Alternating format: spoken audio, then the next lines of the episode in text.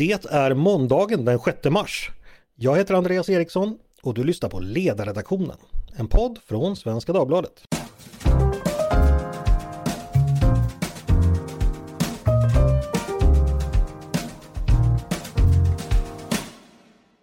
Varmt välkomna till oss och till en ny vecka med podden. Idag ska vi återvända till det svenska och finländska NATO-processen. Det har snart gått tio månader sedan vi ansökte om medlemskap och nu har som bekant alla länder utom två medlemsländer ratificerat våra ansökningar. Det är Ungern och Turkiet som kvarstår. Vad kommer då hända framöver och vad är det fler för knutar som måste lösas upp innan vi blir medlemmar? Med mig för att prata om detta har jag Anna Wislander som är Director för, för Northern Europe på The European Center på The Atlantic Council. Varmt välkommen hit Anna! Tack så mycket! Och med mig också Svante Cornell, Director på Institute for Security and Development Policy. Välkommen du också Svante! Tack så mycket! Eh, jag tänkte börja med att bara ni ska förklara vad det är ni kommer ifrån. Anna, Atlantic Council, vad är det för någonting? Det är en eh, opolitisk eh, amerikansk eh, tankesmedja för utrikespolitik och säkerhetspolitik. Eh, kanske inte är så kända i Sverige men rankas bland de topp tio i världen och eh, har huvudkontor i Washington DC men täcker egentligen analysmässigt stora delar av världen och jag är chef för eh, vårt kontor i Stockholm som eh, vi öppnade 2016. Mm, Okej. Okay. Och Svante, Institute for Security and Development Policy, vad är det för någonting? Eh, ISDP är ett oberoende institut som sysslar med forskning och analys och syftar till att hjälpa beslutsfattare i både statlig och privat sektor eh, att få bättre förståelse för viktiga världsregioner, särskilt från eh, Europas östra gräns till Stilla havsasien. Perfekt. Och nu ska du få hjälpa mig och mina lyssnare med att begripa mer om den här processen. Eh, jag tänkte att vi ska börja på ett väldigt övergripande plan. Eh, Anna, sammanfattningsvis den svensk-finländska ansökningsprocessen till NATO. Var, var befinner vi oss nu? Om du kortfattat beskriver. Ja, det är ju en process som historiskt sett eh, har fortfarande har gått väldigt snabbt om man jämför med andra utvidgningsprocesser. Men den har som nog de flesta har förstått stött på vissa svårigheter och jag tror man också måste vara ärlig med att den kan bli bekymmersam eh, som det ser ut för Sverige eh, i första hand. Eh, och det har ju varit sagt och bestämt och planerat så att Sverige och Finland skulle gå in hand i hand. Men nu finns det ju vissa möjligheter också då som vi kanske återkommer till att Finland går in först. Mm. Ja, det ska vi absolut återkomma till. Eh, tänkte först bara fråga, i Sverige så är det ju så att, eh, jag vet inte vad den allmänna uppfattningen varit, men, men, men, en del sa ju liksom när vi ansökte att det här skulle bli en ganska snabb och smidig process. Sen har ju då problemen dykt upp. Eh, om vi pratar då lite bredare NATO-kretsar, de du, du uh, umgås och pratar med både i USA och Europa. De här problemen som Turkiet har ställt upp, var de lika överraskande som er, för er som det var för, för många i Sverige eller var det, var det mer väntat? Jo, men det var ju, det var väl både och. På ett sätt så blev de överraskade därför att det förbereddes under den här eh, händelserika våren förra våren eh, när Sverige och Finland då började ställa om eh, och det blev tydligt att, att vi ville ansöka om medlemskap så gjorde NATO förberedde då ett snabbspår, att detta skulle gå väldigt, väldigt snabbt. Att man, eh, och Turkiet var med och förberedde det. De har ju en delegation vid NATO som alla andra medlemsländer. Och där var egentligen inga signaler att det skulle bli problem. Eh, men sen var det bara några dagar innan vi skulle skicka in ansökan och detta var ju planerat vilken dag det skulle bli. Då eh, så började president Erdogan uttrycka sina betänkligheter. Och då kan man väl säga att eh, då kanske inte så många blev förvånade att det var just Turkiet som hade betänkligheter bland de allierade. För det har hänt förut att Turkiet då i sent skede lägger Eh, käppar i hjulet och eh, vill ha någonting eh, som de då ser en möjlighet att förhandla fram. Eh, så på så sätt tror jag att det var många allierade som sa ja men det här har vi sett förut och det här är liksom typiskt Turkiet. Mm. Får jag fråga, nu ställer jag kanske en väldigt barnslig fråga, men vems fel anser man det är att saken tar lång tid? Är det Turkiets eller Finland och Sveriges eller bara Sveriges eller ser man delat ansvar så att säga? Om det går att uttala sig generellt om det. Ja, alltså tidsperspektivet är ju intressant för att redan då när, när, när, eh, när president Erdogan uttryckte sina betänkligheter så sa ju många Turkietkännare att ja men det här har att göra med att eh, han vill positionera sig eh, inrikespolitiskt inför nästa val. Och då tänkte man, om man inte känner till Turkiet så väl, att det kanske ligger några månader fram i tiden, men det låg ju då ett år fram i tiden och jag blev också väldigt förvånad när jag hörde det första gången. Eh, men, men så var det ju och det har ju många liksom bekräftat sen att detta använde han på det sättet. Så att eh, på så sätt så finns det ju en dynamik i detta som man liksom inte kan säga är någons eller någon annans fel. Sen kan man väl säga att det kan ju vara intressant för Sverige att notera att jag pratade med en del NATO-länder och in, inom NATO så man har ju respekt för, det har ju vi också uttryckt sen, att Turkiet har haft, eh, varit väldigt utsatta för terrorism eh, och terrordåd och att Sverige har haft en, en eh, lagstiftning som inte varit lika sträng som andra länders till exempel och det håller vi ju på att se över och det hade vi en process vi hade startat redan innan det här kom upp från Turkiets sida. Eh, men jag menar så att det där, det där kan man eh, ha viss förståelse för tror jag. Men sen i slutändan nu att det ändå går långsamt, där faller ju skuggan på Turkiet. För vi ska ju komma ihåg att 28 av 30 medlemmar av NATO, för de är ju helt klara. Regeringarna har godkänt Sverige och Finland, deras parlament har godkänt Sverige och Finland. Och på så sätt är det ju Turkiet och Ungern nu sätter ju käppar i hjulet för det som en majoritet av NATOs medlemsstater vill ha, det vill säga svenskt och medlemskap också. Hej, jag Ryan Reynolds. At Mint Mobile, we like to do the opposite of what Big Wireless does. They charge you a lot, we charge you a little. So naturally, when they announced they'd be raising their prices due to inflation, we decided to deflate our prices due to not hating you. That's right. We're cutting the price of Mint Unlimited from $30 a month to just $15 a month. Give it a try at mintmobile.com slash switch. $45 upfront for three months plus taxes and fees. Promote for new customers for limited time. Unlimited more than 40 gigabytes per month. Slows. Full terms at mintmobile.com. Eh, vi ska släppa in Svante för jag vet att det här med Turkiet är någonting du, du kan speciellt. Relationen med Turkiet, vi minns ju alla då förra sommaren man slöt den här trilaterala överenskommelsen mellan de tre länderna. Och sen verkar det ändå rulla på ganska bra under hösten men sen så har det liksom blivit andra tongångar nu under vintern. Vad skulle du säga är läget just nu i, i Turkiets inställning till, till det svensk-finländska NATO-medlemskapet? Var, var, var befinner sig Ankara så att säga? Alltså jag skulle säga den grundläggande situationen är väl att Turkiet av olika skäl vände då i den här processen. Man hade ju som Anna berättade inte fört några invändningar under den tidigare delen av processen när man då plötsligt eh, la in det här eh, vetot då så att säga och ville få ut någonting av det.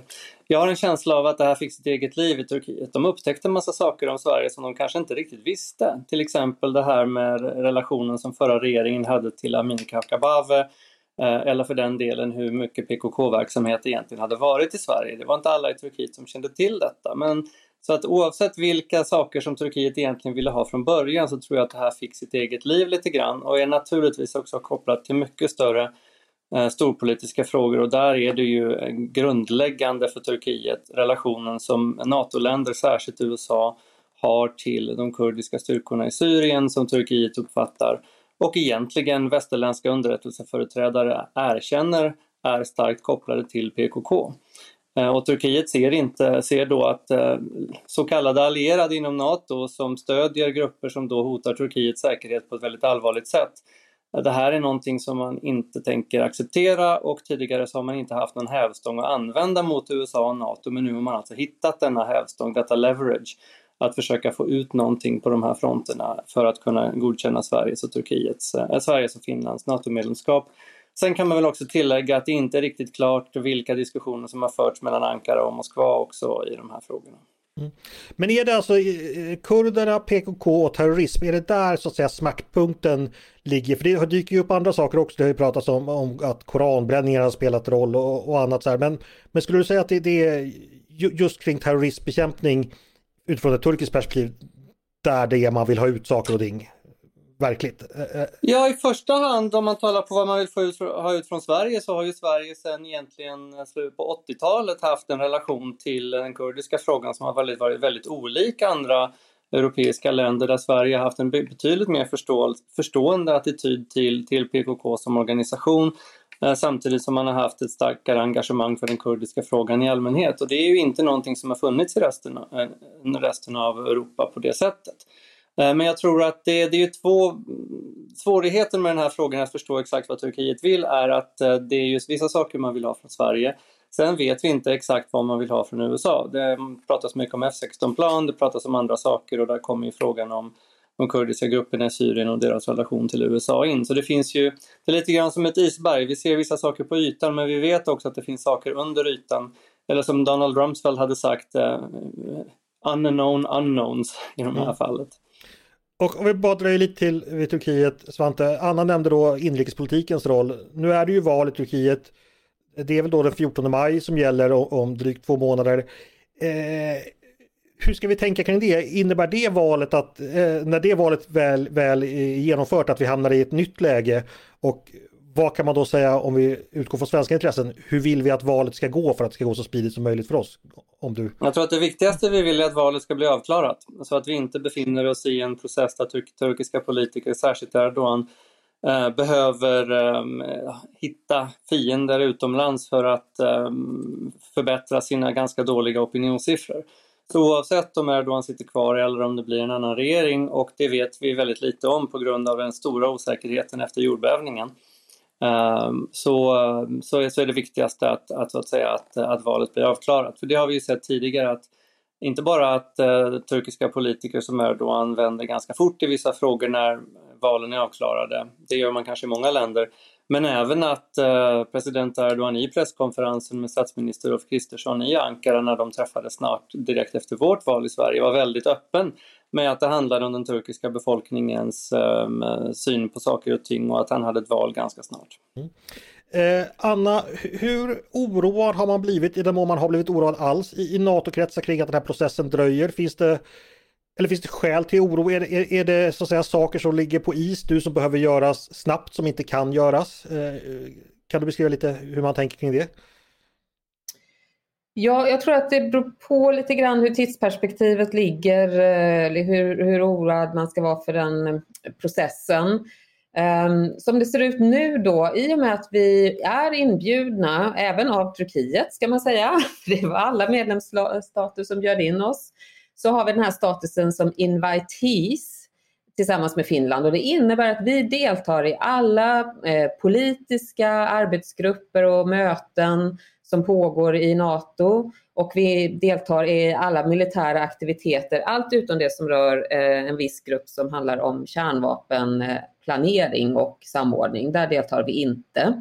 Men vi har till exempel fått sådana här eh, försvarsplaneringsmål eh, som alla NATO-länder har. De har vi precis fått, eh, även om vi är inbjudna. Så att vi kommer ju kunna jobba på på många sätt eh, ändå. Så på kort sikt så påverkas det inte sådär eh, jättemycket. Men vi, det som kan vara lite oroande tycker jag, det ena är det här att vi har gått från en linje när Sverige och Finland ansökte hand i hand, alla ratificerade oss tillsammans och vi skulle gå med hand i hand. Nu har vi sett en spricka här och den är lite orsakad av Turkiet faktiskt. För Turkiet har upprepade gånger tryckt på Finland och sagt att eh, ja, men det är vi är okej med er, men det är Sverige som vi har problem med. Och detta har finnarna lyssnat på. De har själva val här i april.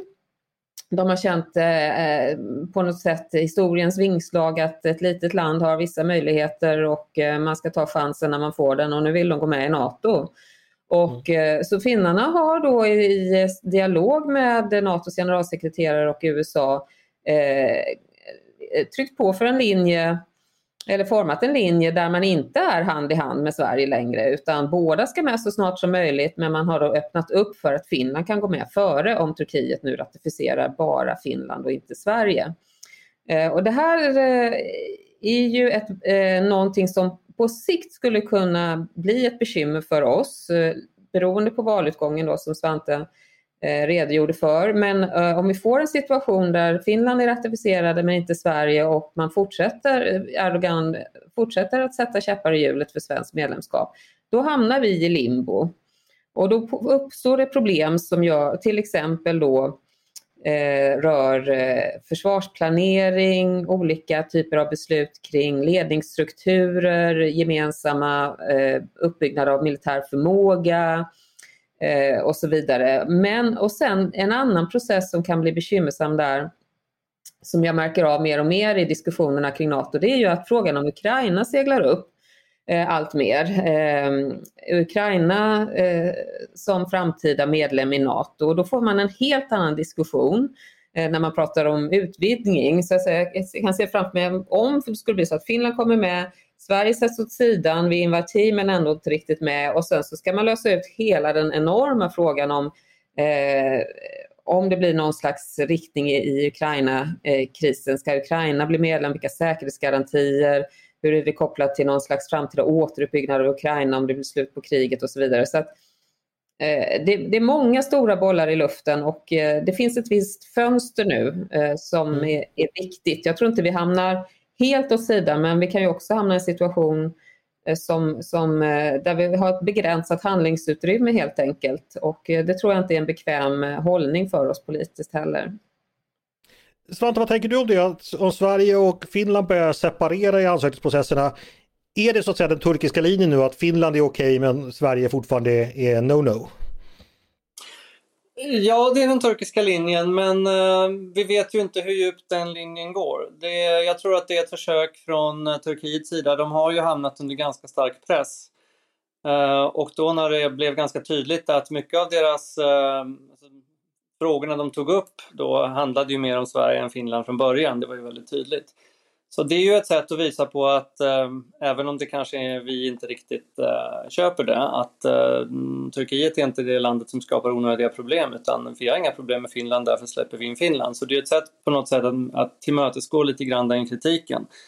Eh, men det sätter ju fortfarande lika stora käppar i hjulet för hela processen och för den nordeuropeiska säkerheten allmänt sett och det är ju någonting som man i Turkiet är fullt medveten om.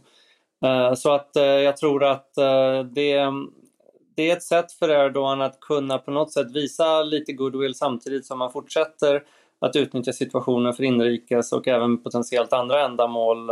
Anna, från amerikanskt håll och amerikansk horisont, vad, hur har man agerat därifrån hittills och vad vet vi?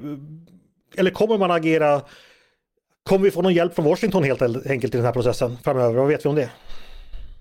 USA har ju redan från början eh, backat eh, svenskt och finskt eh, medlemskap väldigt starkt. Man ser stora fördelar med att Sverige och Finland går med i NATO och går med samtidigt i, i NATO. Det gagnar hela alliansens säkerhet och man kan se detta. Man gjorde ett snabbspår när kongressen behandlade och ratificerade våra medlemsansökningar som en ett tecken på detta också med väldigt stor enhällighet eh, kring eh, röstade man ja. Eh, sen så lämnade man lite tid för Sverige, Finland och Turkiet att jobba med det här trilaterala avtalet som man har haft eh, under sommaren och hösten. Eh, och sen när man såg att detta inte eh, gav några resultat och för svensk del har det ju bara försämrats egentligen från december och framåt med de här eh, aktiva åtgärderna, koranbränningen och annat så gick eh, Biden-administrationen in och eh, eh, egentligen la in att Turkiet skulle kunna få köpa F16 slash modernisera sina F16 som de har, alltså amerikanska stridsflyg. De vill också ha beväpning till stridsflygen. Och detta är någonting som, man, som amerikanerna har helt satt på is i ett antal år i och med att Turkiet för ett antal år sedan köpte avancerade ryska eh, luft och missilförsvarssystem. Eh, och, eh, men då sa Biden-administrationen nu i januari att ja, men vi kan tänka oss att, att gå vidare med detta om Turkiet ratificerar Sverige och Finlands medlemsansökningar. Eh, men detta har lite hamnat i i limbo kan man säga, för Turkiet eh, har då sagt att eh, ja, men vi vill först ha F16 och sen ratificerar vi ungefär. Mm. Så det är lite moment 22 över det hela. Eh, har inte riktigt rört på sig. Men det är klart, pratar man med administrationen nu så säger de att eh, nej, men det här vi är full fart framåt. Det här kommer vara löst till NATOs nästa toppmöte som äger rum i Vilnius i mitten av juli i år. Eh, men det återstår ju lite att se. Hur är det eh, med övriga NATOs medlemsländer? Tänker främst exempelvis eh, Danmark, Norge är väl utomordentligt intresserade av att det här ska gå snabbt. Tänker även hur man ser det från Londons perspektiv eh, och andra stora NATO-länder. Har vi sett någon... Andra medlemsländer i NATO de eh, har ju ett mycket starkt stöd eh, för svenskt och finskt medlemskap och det är viktigt att de fortsätter uttrycka ett sådant stöd för oss. Det gör de också hela tiden. Det gagnar säkerheten för hela alliansen, det gagnar säkerheten i norra Europa. Man trycker på att Turkiet och Ungern ska ratificera som eh, 28 medlemmar redan har gjort. Eh, men det finns en enhällighetsprincip i, i NATO, det finns ingen överstatlighet, så även om 80 eller 90 eller 95 procent eh, av alla vill ha det på ett visst sätt så måste det vara 100 procent. Och ingen kan egentligen tvinga, tvinga någon annan och det är det vi ser nu med Turkiet och Eh, Ungern och eh, då gäller det ju att om man inte kan argumentera för att de lyssnar på goda argument så måste man kunna ha någon slags påtryckning eller förhandlingsposition eh, för, för att kunna få fram en lösning. Och där är det egentligen inte så många länder som har sådana positioner att använda helt enkelt i NATO, utan det blir mycket att blickarna går till USA och Washington. Hej, jag Ryan Reynolds. Recently, I asked Mint Mobiles legal team if big wireless companies are allowed to raise prices due to inflation. They said yes. And then when I asked if raising prices technically violates those onerous two-year contracts, they said, what the f*** are you talking about, you insane Hollywood ass?" So to recap, we're cutting the price of Mint Unlimited from $30 a month to just $15 a month. Give it a try at mintmobile.com slash switch. $45 up front for three months plus taxes and fees. Promo for new customers for limited time. Unlimited more than 40 gigabytes per month. Slows. Full terms at mintmobile.com. Nu har vi pratat mycket om Turkiet. Hur är det med Ungern? Där skulle man egentligen parlamentet ha, ha röstat den här veckan, men du sköts ju fram två veckor. Eh, Anna, vad gör du för bedömning om eh, processen där? Ja, Eh, Ungerns process den är ju kopplad eh, inte bara till det här med Turkiet utan också till EU och eh, jag, jag eh, hoppas att eh, det fortfarande är så att, att eh, Sverige då som eh, e EU-medlem eh, och tillsammans då med de andra länderna kan, kan eh, trycka på så att vi får, eh, får loss den kopplingen som de gör kring detta. Vi har ju en ungersk eh, parlamentarisk delegation som kommer till, till Sverige om det är som imorgon för att diskutera med våra riksdagsledamöter. Och sen ska, ska Ungern också rösta igenom en del lagstiftning som EU har krävt och sen vill man då få loss eh, EU-bidrag som har varit frysta. Eh, så att vi får väl se om det är kopplat till de här frågorna. Det är mycket hummande från Ungerns, Ungerns sida men det verkar väl vara, vara något i den stilen. Ehm, och ehm, det vore ju väldigt bra om Ungern kunde ratificera eh, Sverige och Finland här eh, kommande veckorna eh, så att det endast är då Turkiet kvar att lösa. Mm. Eh, Svante, om du ska ge regeringen råd inför fortsatt process här, framförallt då eh, gentemot Turkiet. Vad tycker du, vad tror du är det klokaste sättet att agera? Alltså, jag tror att eh, på många sätt har den svenska regeringen gjort, eh, eller båda regeringarna, den socialdemokratiska och sen den Kristerssonledda regeringen, gjort så gott man kan. Den svåra avvägningen är ju hur mycket man ska gå Turkiet till mötes och hur mycket man ska hålla på en ganska principfast linje att vi gör vissa saker men inte mer.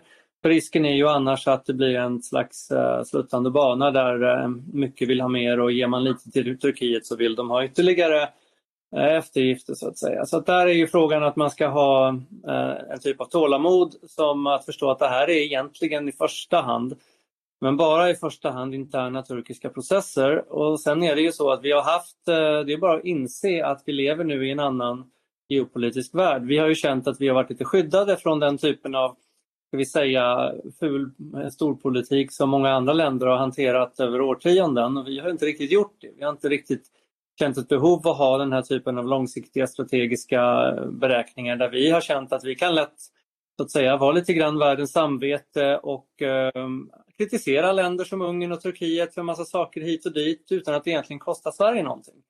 För så för ett eh, eller ett och ett halvt år sedan var det väl ingen som trodde att Sverige skulle behöva Ungern och Turkiet för saker som är absolut centrala för Sveriges, Sveriges säkerhet. Men där är vi idag och det betyder att vi måste ha ett helt nytt tänkande kring utrikespolitiken tror jag. Så det handlar inte bara om vad regeringen ska göra nu utan det handlar om eh, att lägga om ganska stora delar av vår utrikespolitik så vi tänker väldigt mycket långsiktigt och sätter Sveriges nationella säkerhet först innan så att säga vi eh, pratar om andra frågor som, som är lite grann lyxiga frågor i utrikespolitiken som att ha åsikter eh, om väldigt många olika saker i andra, vad andra länder gör. Samma fråga till dig Anna, ifall du får, skulle ge regeringen ett råd, hur, hur lyder det? Jag eh, tror det är viktigt nu att eh, stå, verkligen stå fast vid vår NATO-ansökan och att snabbt få igenom all den lagstiftning som är kopplad till NATO-medlemskapet. Eh, det gjorde finnarna förra veckan och, kopplade, och eh, klubbade igenom det. Och eh, jag hade allra helst sett att vi hade varit synkade där också. Men det ska ju ske nu i mars har regeringen aviserat. Och det tycker jag är viktigt att vi ska vara lika redo som de om mot, mot förmodan får man väl ändå säga ändå, men ändå en viktig signal eh, om eh, Ungern och Turkiet nu ratificerar så ska vi vara lika redo som Finland att snabbt, eh, snabbt bli eh, helt fullvärdiga medlemmar. Eh, jag tror också det är viktigt att fortsätta ha en dialog med eh, eh, folkopinionen om NATO-medlemskapet, vad det innebär, varför det är viktigt och sen det tredje är ju givetvis att fortsätta jobba i korridorerna i Washington DC och i NATO att de hjälper till att hålla trycket uppe på Turkiet om det här nu skulle eh, dra ut på tiden.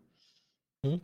Och avslutningsvis, eh, prognos framöver. Svante, när blir Sverige medlemmar tror du? Det är väldigt svårt att säga. Om jag skulle tro att det finns en god chans att det, den här processen kommer i alla fall att vara avklarad innan detta året. Mm. Eh, men eh, det finns många frågetecken kvar och många saker vi inte känner till. Vad säger du Anna? Vågar du dig på en prognos?